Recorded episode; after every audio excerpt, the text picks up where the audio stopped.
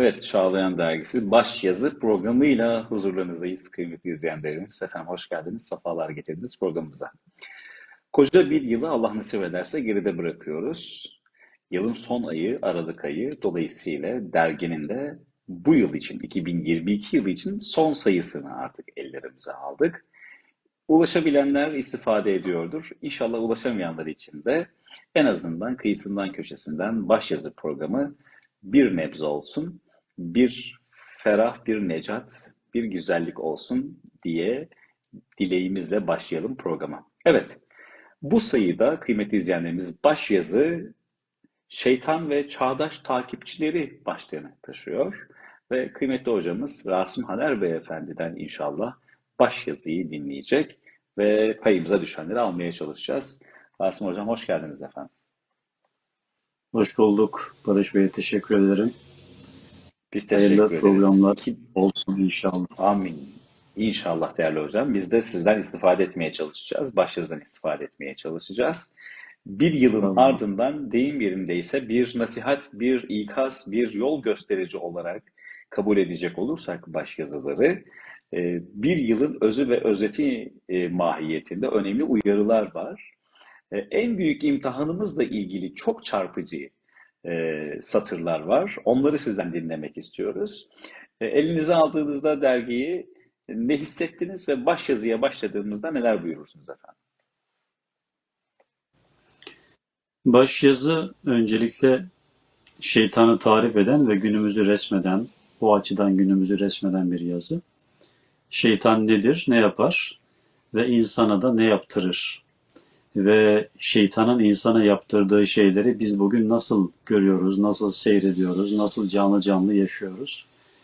Bu açılardan gerçekten günümüzün e, bir haritasını mı diyelim ya da bir görüntüsünü ortaya koyan şeytanın yaptıkları açısından, yaptırdıkları açısından ortaya koyan bir başyazı. Baştan sona bu şekilde, bu açıdan okunabilir. İnşallah.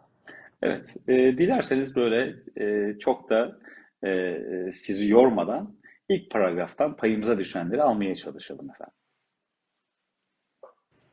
Tabii yine tekrar etmiş olacağım ama bu yaptığımız e, bir müzakere değil. E, Seyircilerimiz, dinleyicilerimiz bir müzakere şeklinde düşünmesinler. Sadece biz burada bir özet yapıyoruz. Başyazının bir özetini yapıyoruz. İlgi çekmeye, dikkat çekmeye çalışıyoruz. Gerisini e, dinleyicilerimizin, seyircilerimizin e, okumalarına bırakıyoruz. Başyazıyı e, daha derin okuyabilirler, daha geniş okuyabilirler ve daha farklı şeyler anlayabilirler bizim burada söyleyeceklerimizden. E, yazı yine 5-6 paragraftan oluşuyor. Bu sefer paragrafların, paragrafların sayısı az ama paragrafların kendisi uzun. Öncelikle şeytan ve çağdaş takipçileri deniliyor. Başyazının e, başlığı bu şekilde. Şeytanı tarif ediyor, anlatıyor. Ondan sonra da e, çağdaş takipçileri bunların bunun kimlerdir? Bunlar ne yaparlar? Günümüzde ne yapıyorlar? Buna dikkat çekiyor ve e, tabii ki inanan insanları ikaz ediyor. Bir defa birinci paragrafta şeytanın tarifi var. Mesela deniliyor ki işi azgınlık ve azdırmadır. Şeytan zaten azmış. Allah'a karşı isyan etmiş. Çizgiyi geçmiş, aşmış ve e, sınırların dışına çıkmış. Bunu yapmış ama bunu aynı zamanda yaptırıyor da ya da başkasına da yapıyor. Başkalarını azdırıyor, başkalarını sınırdan çıkarıyor, kendi hudutlarının dışına çıkarıyor ve isyan ettiriyor. Böyle bir özelliği var, dikkat çekiyor. Sonra şeytan nedir? Ee, sorusunun cevabı mahiyetinde. İnsanlarda kötülük duygularını tetikleyerek onları iyilikten, güzellikten ve faziletten uzaklaştırarak adeta kendine benzetip avveneleri haline getirir. Bu şekilde ilerliyor paragraf ve bu paragraftan çıkan üç cümleyi ben söyleyebilirim. Şeytanın işi azgınlıktır. Azgınlık. Tabi tabiatı, işi bu olunca başkalarını da azdırıyor. İkincisi insanları ve cinleri kendine benzetir. Şeytan nedir dediğimizde ortaya konulacak tarif aynen insanlarda da görünebilir. insanlardan bir kısmı da şeytanı şeytanın tarifine uygun düşebilir. Ki bu ayet-i kerimelerde de ifade ediliyor. En sonunda makalenin sonunda temas edeceğiz. Ee, şeytan insanı kendine benzetir. Şeytanın kendisi bir cindir zaten. Dolayısıyla kendi cinslerini de hem cinslerini de yani cinleri de e, kendisine benzetir, kendisi gibi yapar ve dolayısıyla tabii ki kullanır onları. Kendisine benzettikten sonra kullanır. Bir de üçüncü bir cümle, kural tanımazlığı aşılar. Şeytanın en önemli özelliklerinden bir tanesi bu. Kendi kuralları dışına çıktığı, kuralları çiğnediği, sınırlarını aştığından dolayı insanı da aynı şeyi aşılar, insanın da kural tanımaz olmasını sağlar. Bu kural tanımamazlık belki bir cahiliye döneminde, belki bir orta çağda farklı şekilde tezahür etmiş olabilir. Belki başka zamanlarda ne bileyim insanlar insanları öldürürler, toplu katliamlar yaparlar mesela. E, zamanımızda da savaş çıkartırlar mesela. Bu şekilde insan e, sınırlarını aşar şeytanın e, güdümünde. Ama bazen insan fikri olarak da kural tanımazlık yapabilir. Kendi aklının sınırlarını aşar, vahyin sınırlarına girer, bilmediği şeyler hakkında ahkam keser, inkar eder. Allah'ı görmüyorum o zaman yoktur gibi böyle e, felsefi manada safsata e, şeylerini ortaya koyar, fikirlerini ortaya koyar. E, şeytan hem maddi dünyada, fiili dünyada hem de fikri dünyada böyle insanı kural tanımaz hale getirir. Birinci paragrafın işlediği genel ana fikir bu diyebilirim. Evet değerli hocam. Ee, şimdi tabii yazıda öyle zannediyorum ki bir karakter ortaya koyacak.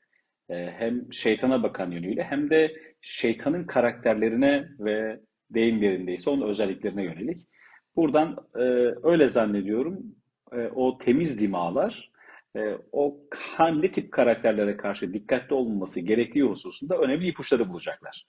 Peki diğer paragraf Evet. bu konuda nasıl ipuçları veriyor bize?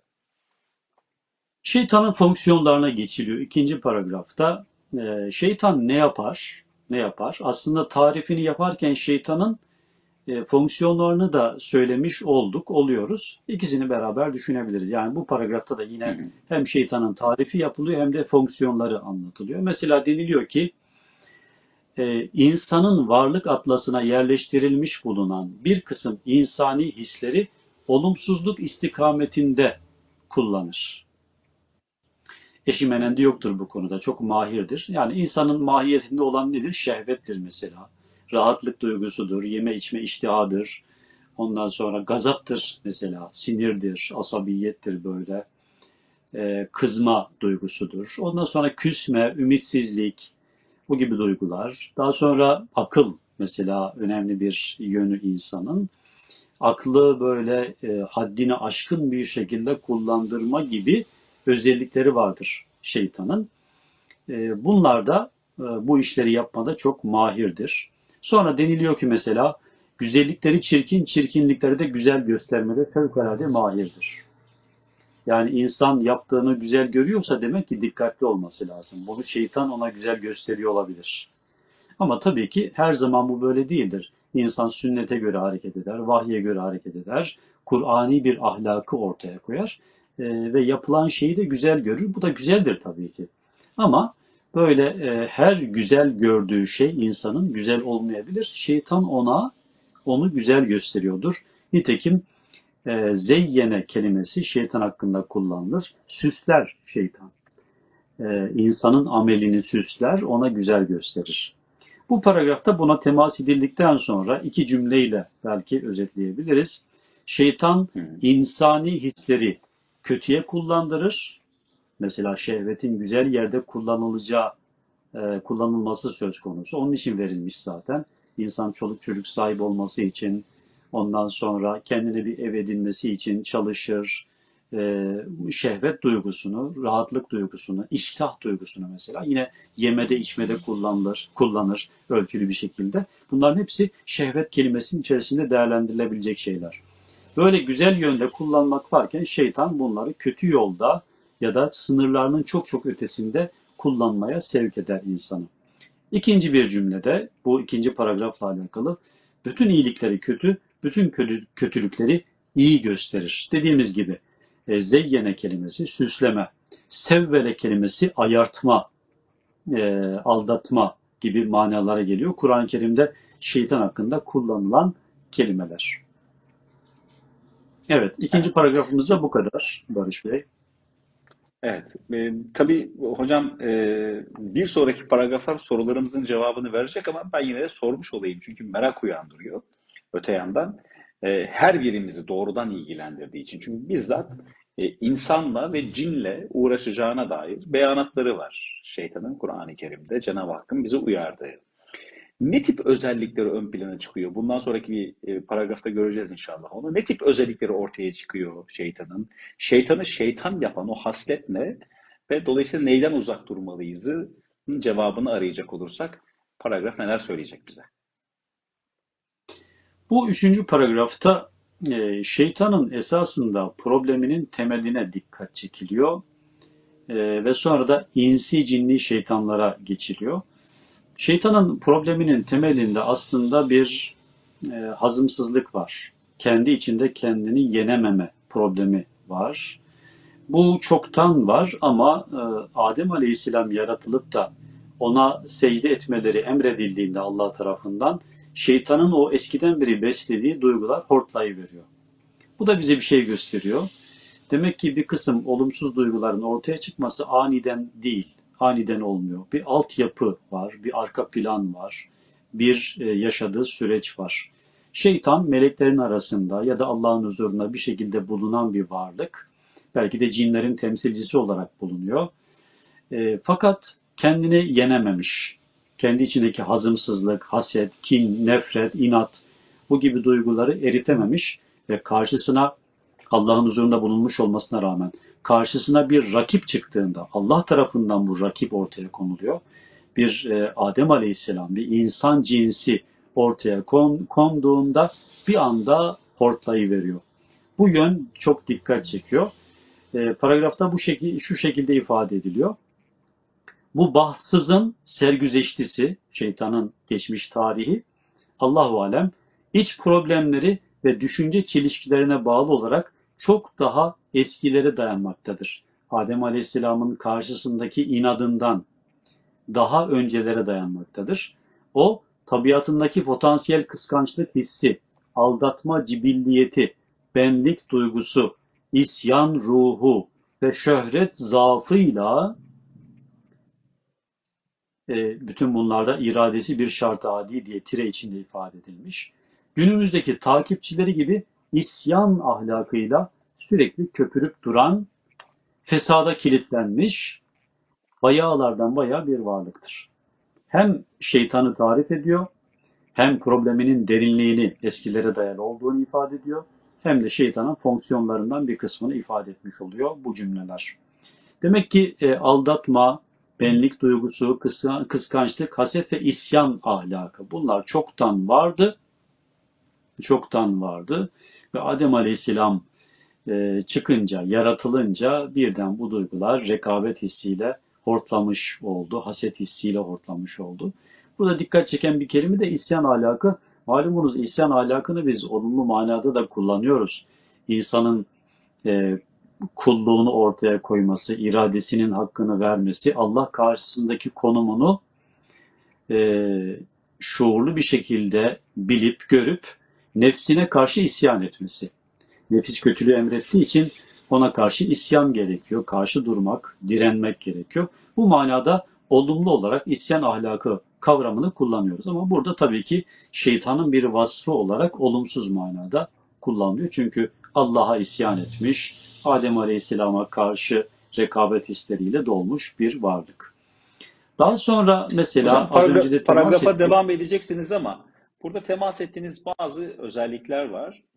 Anlamak için soracağım bunu. İşte kıskançlık hissi, aldatma cibilliyeti, benlik duygusu, isyan ruhu ve şöhret zaafı. Yer yer e, özellikle modern çağda insanın bu tip duyguların bazı zeminlere davet ettiğini görüyoruz. E, bu, bu, bu duygularla karşılaştığımızda işin içerisinde şeytani bir ruhun olabileceği riskini göz önünde bulundurmak mı gerekiyor? Bunu mu anlamak lazım hocam bu cümlelerden? Muhakkak ki e, burada bir işbirliği var aslında. Bir içeride nefis var, insanın nefis potansiyeli var.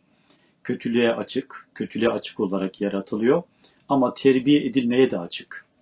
Bir böyle mekanizma var içte, dışta da şeytan var. Şeytanla içteki nefsin işbirliğinden ortaya çıkan bir fiildir insanın yaptığı kötülükler. Dolayısıyla insanın yaptığı kötülükleri görünce sadece hani insanın kendisinden kaynaklanmış bir şey olarak görmemeli. Şeytanın o işteki rolünü de hesaba katmalı muhakkak. Yazının sonunda da zaten buna e, temas edilecek. İnşallah. Evet. Evet, e, devam edecek olursak bu e, üçüncü paragrafa deniliyor ki hususiyle de bir kızın karakter problemi olanları kendine benzetmeye çalışır. Az önce temas ettik kendine benzetme.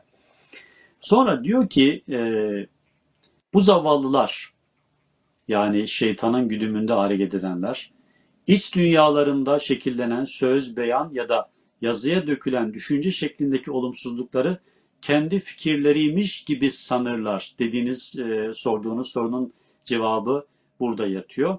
Kendi fikirleriymiş gibi sanırlar ama bütün bu menfiliklerin arkasında şeytani dürtülerin olduğu açıktır. Dediğimiz gibi ister fikir olsun ister fiil olsun. İster insan düşüncesi olsun, isterse insanın fiilleri, hareketleri, davranışları olsun. Eğer bunlar olumsuz yönde ilerliyorsa bunların arkasında mutlaka şeytanın dürtüleri, vesveseleri vardır. Çünkü çünkü ilerleyen cümlede şunu da söylüyor. Bir kısım zayıfların hayvani hislerini tetikleyerek bunları bu hamleye sürükleyen şeytanın bir özelliği.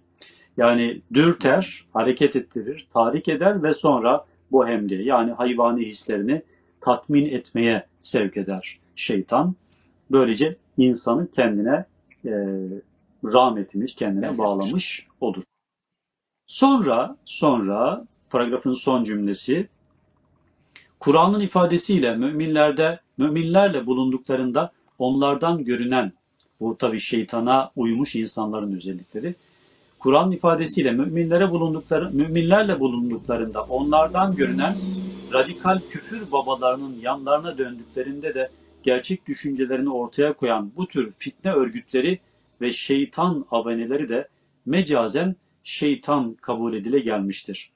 Bu üçüncü paragrafın başlığını zaten öyle atmıştık. Şeytanın probleminin temeli bu bir. İkincisi insi cinli şeytanlar. Biz bazen İnsanlara da şeytan gibi deriz. Şeytan gibi bir insan deriz. Neden? Çünkü çok ayartıcıdır, çok aldatıcıdır, çok hilebazdır. Ee, şeytanın yaptığı şeyleri yapar. Ama burada bir insanla beraber insanlardan oluşan bir gruba da dikkat çekiliyor.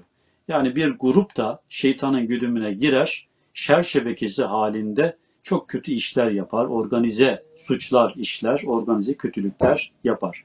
Bunun da Kur'an'ın ifadesiyle şeyatı inel insi vel cin ifadesiyle e, temellendiriyor. Yani insanlardan ve cinlerden e, oluşmuş şeytanlar, şeytan insanlar, şeytan cinler ve şeytan örgütler, şebekeler var demek.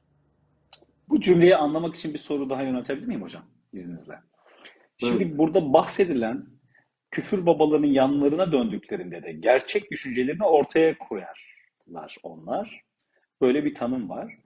Ee, bunlar aslında e, bu karakterlerini bilirler mi? Yoksa e, hani şu gizli münafıklar gibi münafık olduğunu bilmez ama e, kendisini tanımlıyor mudur? Biliyor mudur şeytanca bir tavır içerisinde insanlar için konuşuyorum.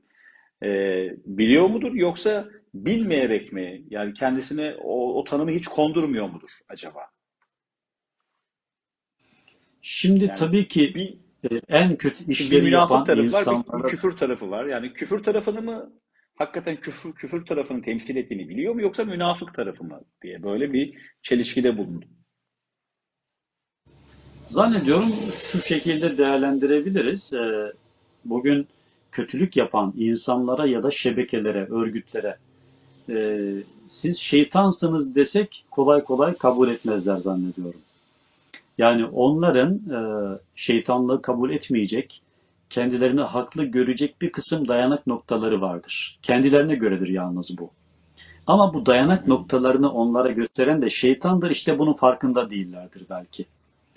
Mesela adam öldürürken bile, bir yeri basıp bombalarken bile ya da işte e, insanlara zulmederken bile bir kısım şeylere dayanır kendince. Ama o dayandığı şeylerin şeytan tarafından süslü gösterildiğini kabul etmek istemez. Onun farkında değildir. Bir açıdan yaptığının kötü olduğunu düşünüyor olabilir. Farkındadır ama e, o kötülüğü yaparken dayandığı nokta açısından da aldandığının farkında olmayabilir. Evet. Daha bugünkü açıklayıcı oldu. kötülük işleyenlerin, evet bugünkü kötülük işleyenlerin nasıl bu kadar rahat kötülük işlediklerini, ne kadar rahat zulmettiklerini görünce başka türlü izahı sanki zor. Dayanak noktası olmasa insanın kendini haklı gördüğü bir kısım e, mesnetler olmasa herhalde bu kadar insan vicdanı bu kadar kötülük işlemeye müsaade etmez. Mutlaka bir yere dayanıyorlar. İşte o dayanak noktalarını onlara şeytan gösteriyor. Hala. Evet hocam. Evet, e, bu paragraf üzerine çok durduğumuz için son e, üç cümleyi, özetleyici cümleyi ben e, doğrudan geçiyorum. Zaten bunları ifade ettik. Dördüncü paragrafa geçiyorum. Dördü, dördüncü paragrafın ana başlığı diyalektik diyebiliriz. Şeytanın en önemli özelliklerinden bir tanesi. Çünkü e, buradaki ifadesiyle hakka karşı diyalektik ve cedele girişen şeytan. Şeytan ne yaptı? Allah'a itiraz etti. Allah Hazreti Adem'i yarattıktan sonra ona secde etmelerini emretti. Meleklere ve o e, onların arasında olan şeytana. Ve bunlar e, melekler secde ettiği halde şeytan etmedi. Orada bir diyalektiğe girdi. Yani sen ben ilişkisine girdi. E, ben ya da o ilişkisine girdi diyebiliriz. Ben dedi ateşten yaratıldım, o topraktan, çamurdan yaratıldı, ben daha üstünüm şeklinde bir diyalektik. Diyalektiği burada olumsuz manada kullanıyoruz tabii ki e, tamamen. Ve diyalektiği karşılayan belki cedel kelimesini de kullanabiliriz. Cedel, cedele girdi. Allah'la mücadele etmeye başladı. Cedel, mücadele aynı kökten geliyor. Allah'la mücadele etmeye başladı, tartışmaya başladı. Sen ben derdine düşmeye başladı. Ondan sonra kaybetti tabii ki ve huzurdan kovuldu. Diyalektik e, şeytanın en önemli özelliği. Dolayısıyla bunu insanlarda biz bugün nasıl görebiliyoruz? Hak karşısında, doğru bir güzel iş karşısında inat eden insanlar. O güzellikleri, e, insaniyet namına yapılan iyilikleri kabul etmeyen insanlar. Bunlar, bunları biz yapmadık öyleyse bunlar kötüdür diye düşünen insanlar. İşte bu diyalektik, bu cedel e, şeytanın bir özelliği. Dolayısıyla şeytan bu özelliğini insanlara da aşılayarak onları kullanabiliyor. Burada yine işaretledim ben. Şeytan ve insan mücadelesi, küfür ve iman retleşmesi hiç dinmemiştir ve dinmeyecektir de. O işte Allah'ın huzuruna başlayan cedel, mücadele, diyalektik insanlık tarihi boyunca devam etmiş ve kıyamete kadar da devam edecek. Bu bir mücadele yani. Ee, ondan sonra şeytanın yaptığı şeyler yine burada temas ediliyor. Mesela e, küstahlaştırılmış. Yani e, şeytan insanı küstahlaştırıyor. Sonra kaba kuvvetle sindirmeyi öğretiyor onlara. Yani günümüzde çok gördüğümüz şeyler. Kaba kuvvetle sindirme, küstahlaşma, despotizma, tiranlık, diktatörlük bunlar şeytanın e, kendisinde olan ve insanı da aşıladığı, insanı da yaptırdığı şeyler. E, tabii dolayısıyla bütün bunlar neticesinde zulümler işleniyor, haksızlıklar işleniyor, sınırlar aşılıyor, ahlaki sınırlar aşılıyor, imani sınırlar aşılıyor, e, insansi, insani sınırlar aşılıyor ve insan şeytanın güdümünde nice zulümler işliyor. Fakat en sonunda bir e, atasözüyle meseleyi bağlıyor sonlara doğru. Şeytanın dostluğu daracına kadardır. Yani ey insan, şeytan çok bozuk bir varlık, çok kötü bir varlık, çok azgın ve lanetlik bir varlık. Dikkat et, seni aldatmasın, ayartmasın. Şeytanı ve şeytanın yaptırdıklarını güzel görerek aldanma. Çünkü şeytanın dostluğu dar ağacına kadardır. Orada seni yalnız bırakır. Ölüme yakın, ölümden sonra seni yalnız bırakır. E, ahirette hele hele hiç yardım edemez. Eli kolu bağlanır. E, bu da yine Kur'an-ı Kerim'de ifade ediliyor. Benim bir suçum yok. Ben çağırdım. Siz geldiniz. Bugün size yapacağım bir iyilik yok diyor yani. Kendinizi kınayın, beni kınamayın diyor. Bunu da yine şeytan söylüyor. Ve dördüncü paragrafın özeti mahiyetinde şunları söyleyebiliriz. Bir, şeytanın işi diyalektik ve cedelle başlamıştır. Öyle de devam ediyor. İnsana cedel yaptırıyor, mücadele ruhu aşılıyor olumsuz manada. Diyalektik yaptırıyor, sen ben derdine düşürüyor, egoyu şişiriyor. Bu tür yönleri var. İkincisi iman küfür retleşmesi diyor Hoca Efendi burada. İman küfür retleşmesi devam edecektir. Çünkü bu mücadeleyi körükleyen e, şeytandır. E, tabiatıyla insanlar içerisinde de iman küfür mücadelesi devam edecektir. 3. Şeytanın insandaki tezahürlerinden bazıları küstahlık, despotizma, sindirme, zulüm dedik. Dördüncüsü de dost görünen düşmanlar. İşte burada az önce temas ettiğiniz e, Barış Bey nifak meselesi devreye giriyor. Ee, şeytanın güdümündeki insanları anlatırken Hoca Efendi onların münafıklık yönünü de, de temas etti.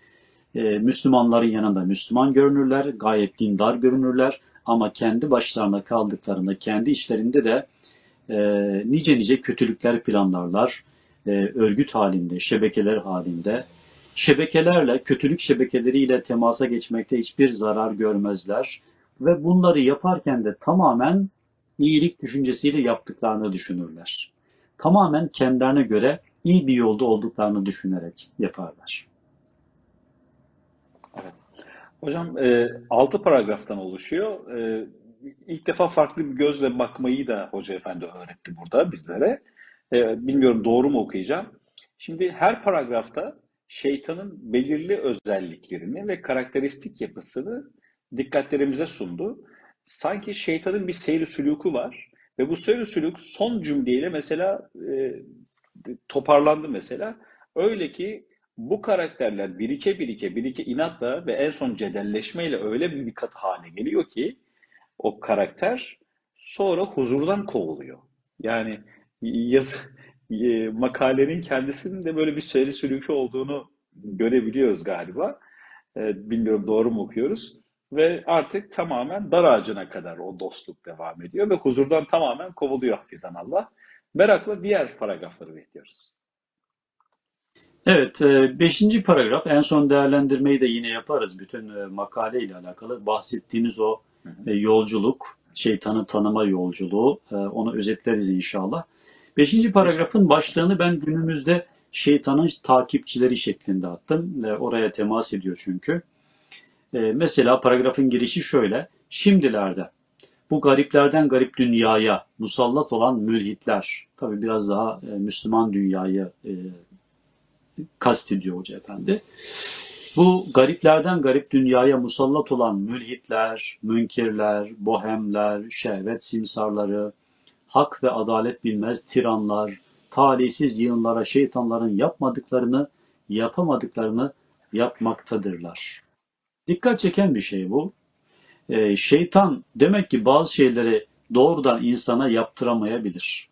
Yaptıramıyor da. Ama e, neyi kullanıyor? İnsanı kullanıyor.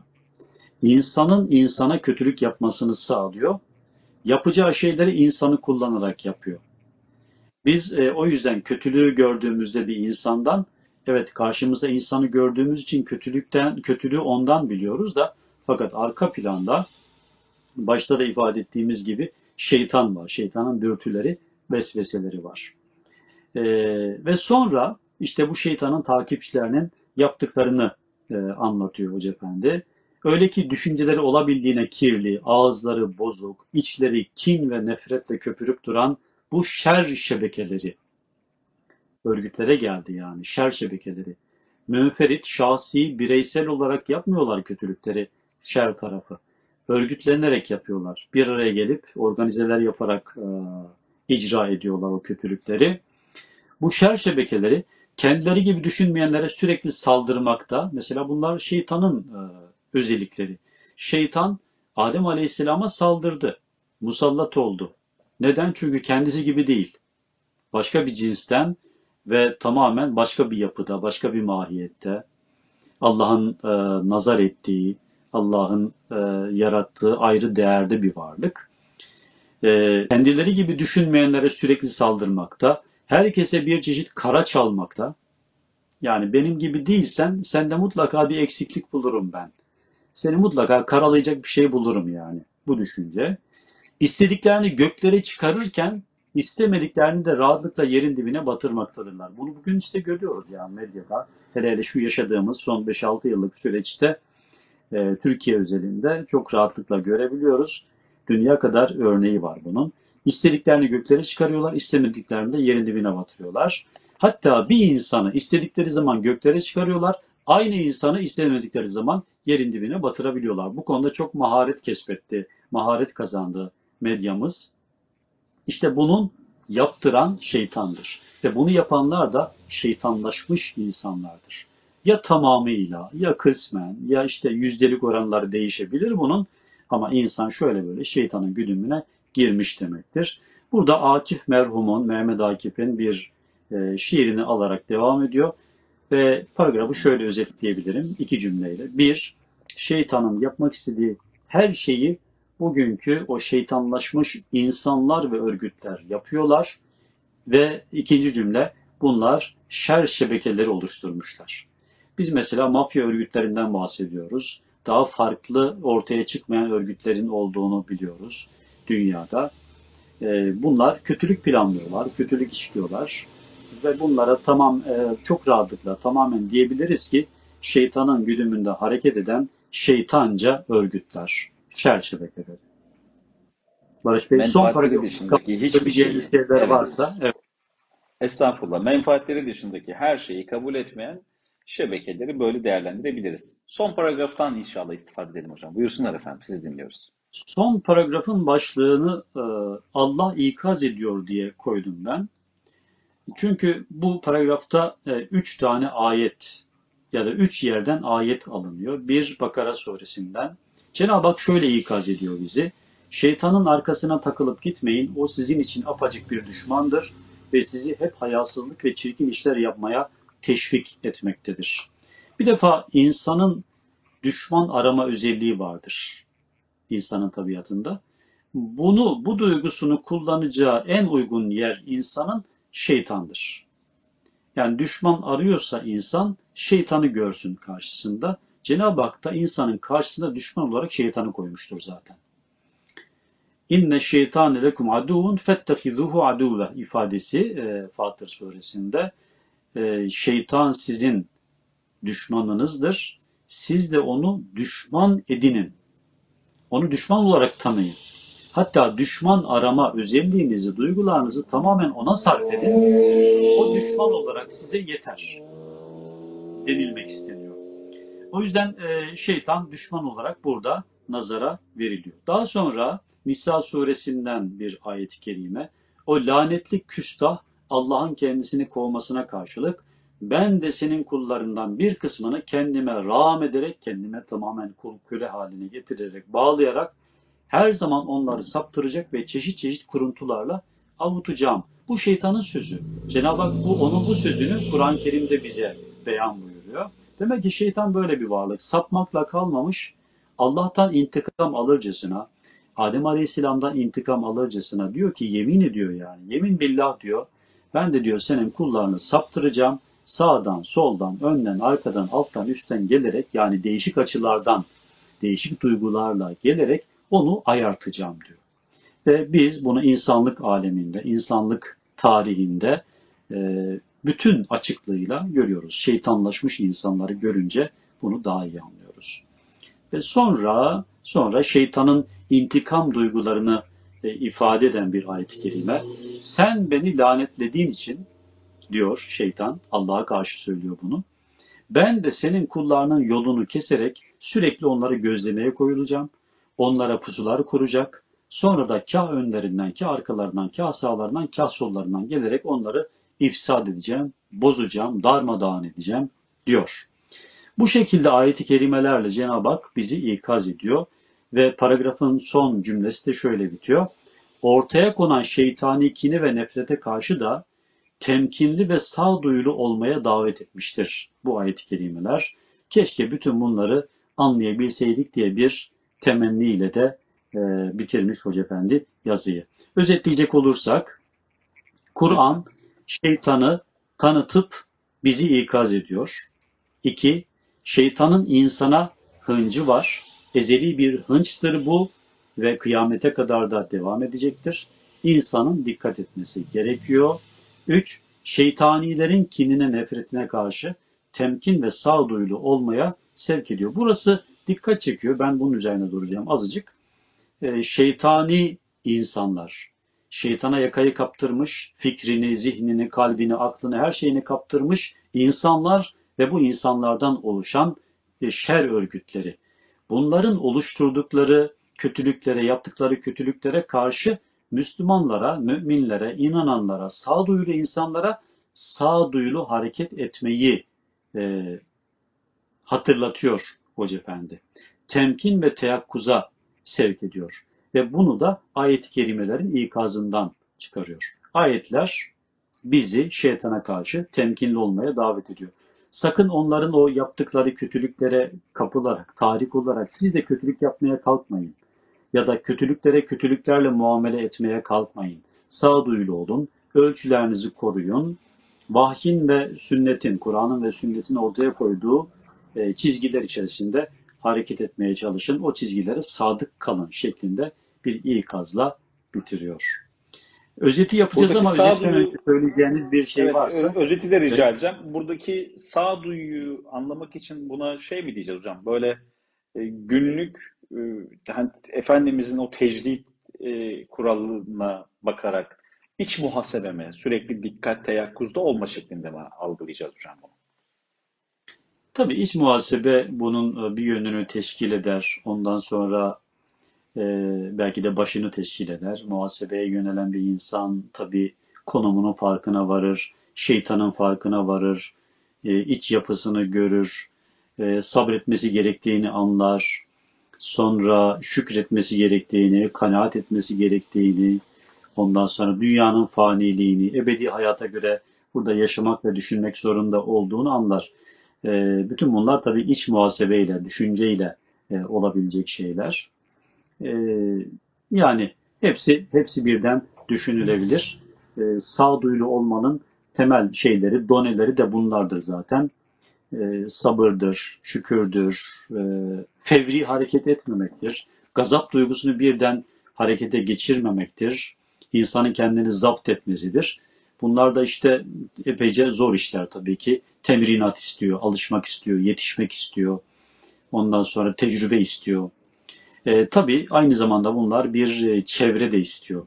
Yani iyi bir çevredeyseniz, dostlarınız, arkadaşlarınız iyi ise, içinde yaşadığınız topluluk güzel bir topluluksa, o topluluğu tercih etmişseniz, e, bu şekilde bir ortamda siz kolay kolay çok büyük bir yanlışlık yapmazsınız. Şeytanın güdümünde İnşallah. hareket etmezsiniz. E, bunu söyleyebiliriz İnşallah. rahatlıkla. Yazının seyri sülükünü sizden dinleyecektik özet olarak. Evet. Yazının seyri sülükünü şöyle yapalım o zaman. Baştan bakalım tekrar. Şeytanın tarifini yapıyor.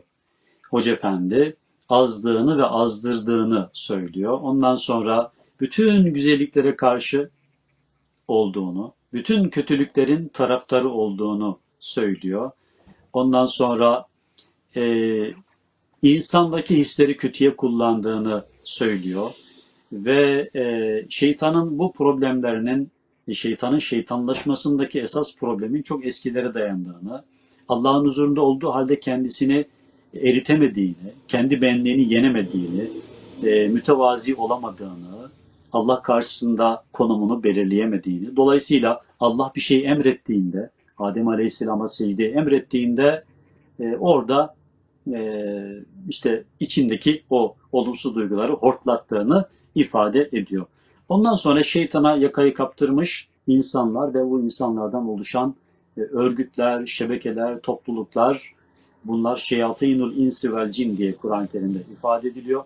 Şeytanın en önemli özelliğine dikkat çekiliyor. Diyalektik mücadele yani hakka karşı mücadele, sen ben davasına düşme, ego, e, egoyu kabartma, egoyu şişirme, insanın benlik duygusunu e, şişirmesi, ondan sonra küstahlaşma, despotizma, tiranlık, zulümler, bütün bunların şeytani özellikler olduğunu ifade ediyor. Sonra e, günümüzdeki şeytanın takipçilerinin neler yaptığını yapabileceğini biraz da günümüzün diliyle aktarıyor.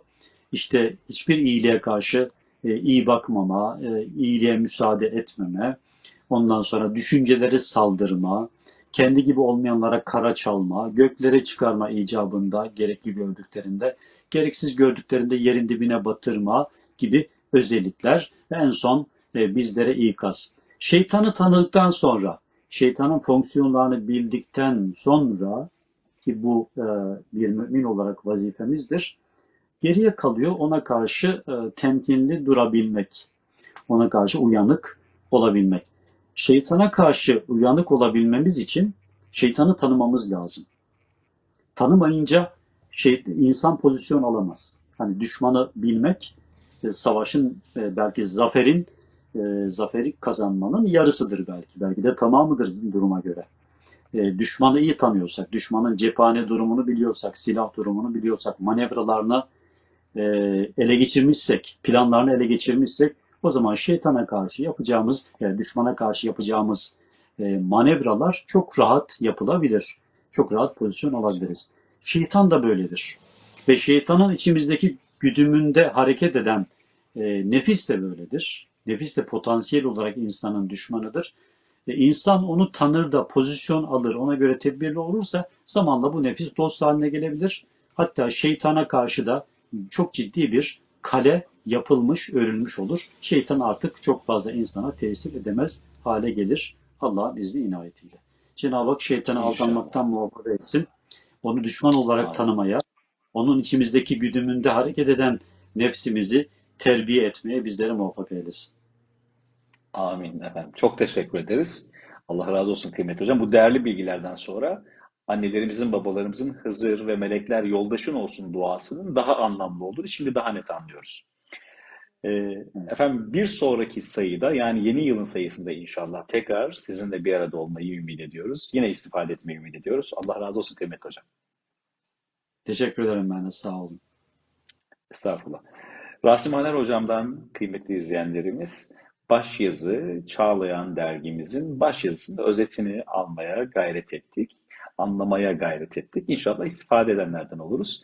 Bir diğer sayıda inşallah tekrar görüşmek üzere Çağlayan dergisiyle, güzel dergilerle, güzel topluluklarla, güzel kitaplarla kalınız efendim. Hoşçakalınız.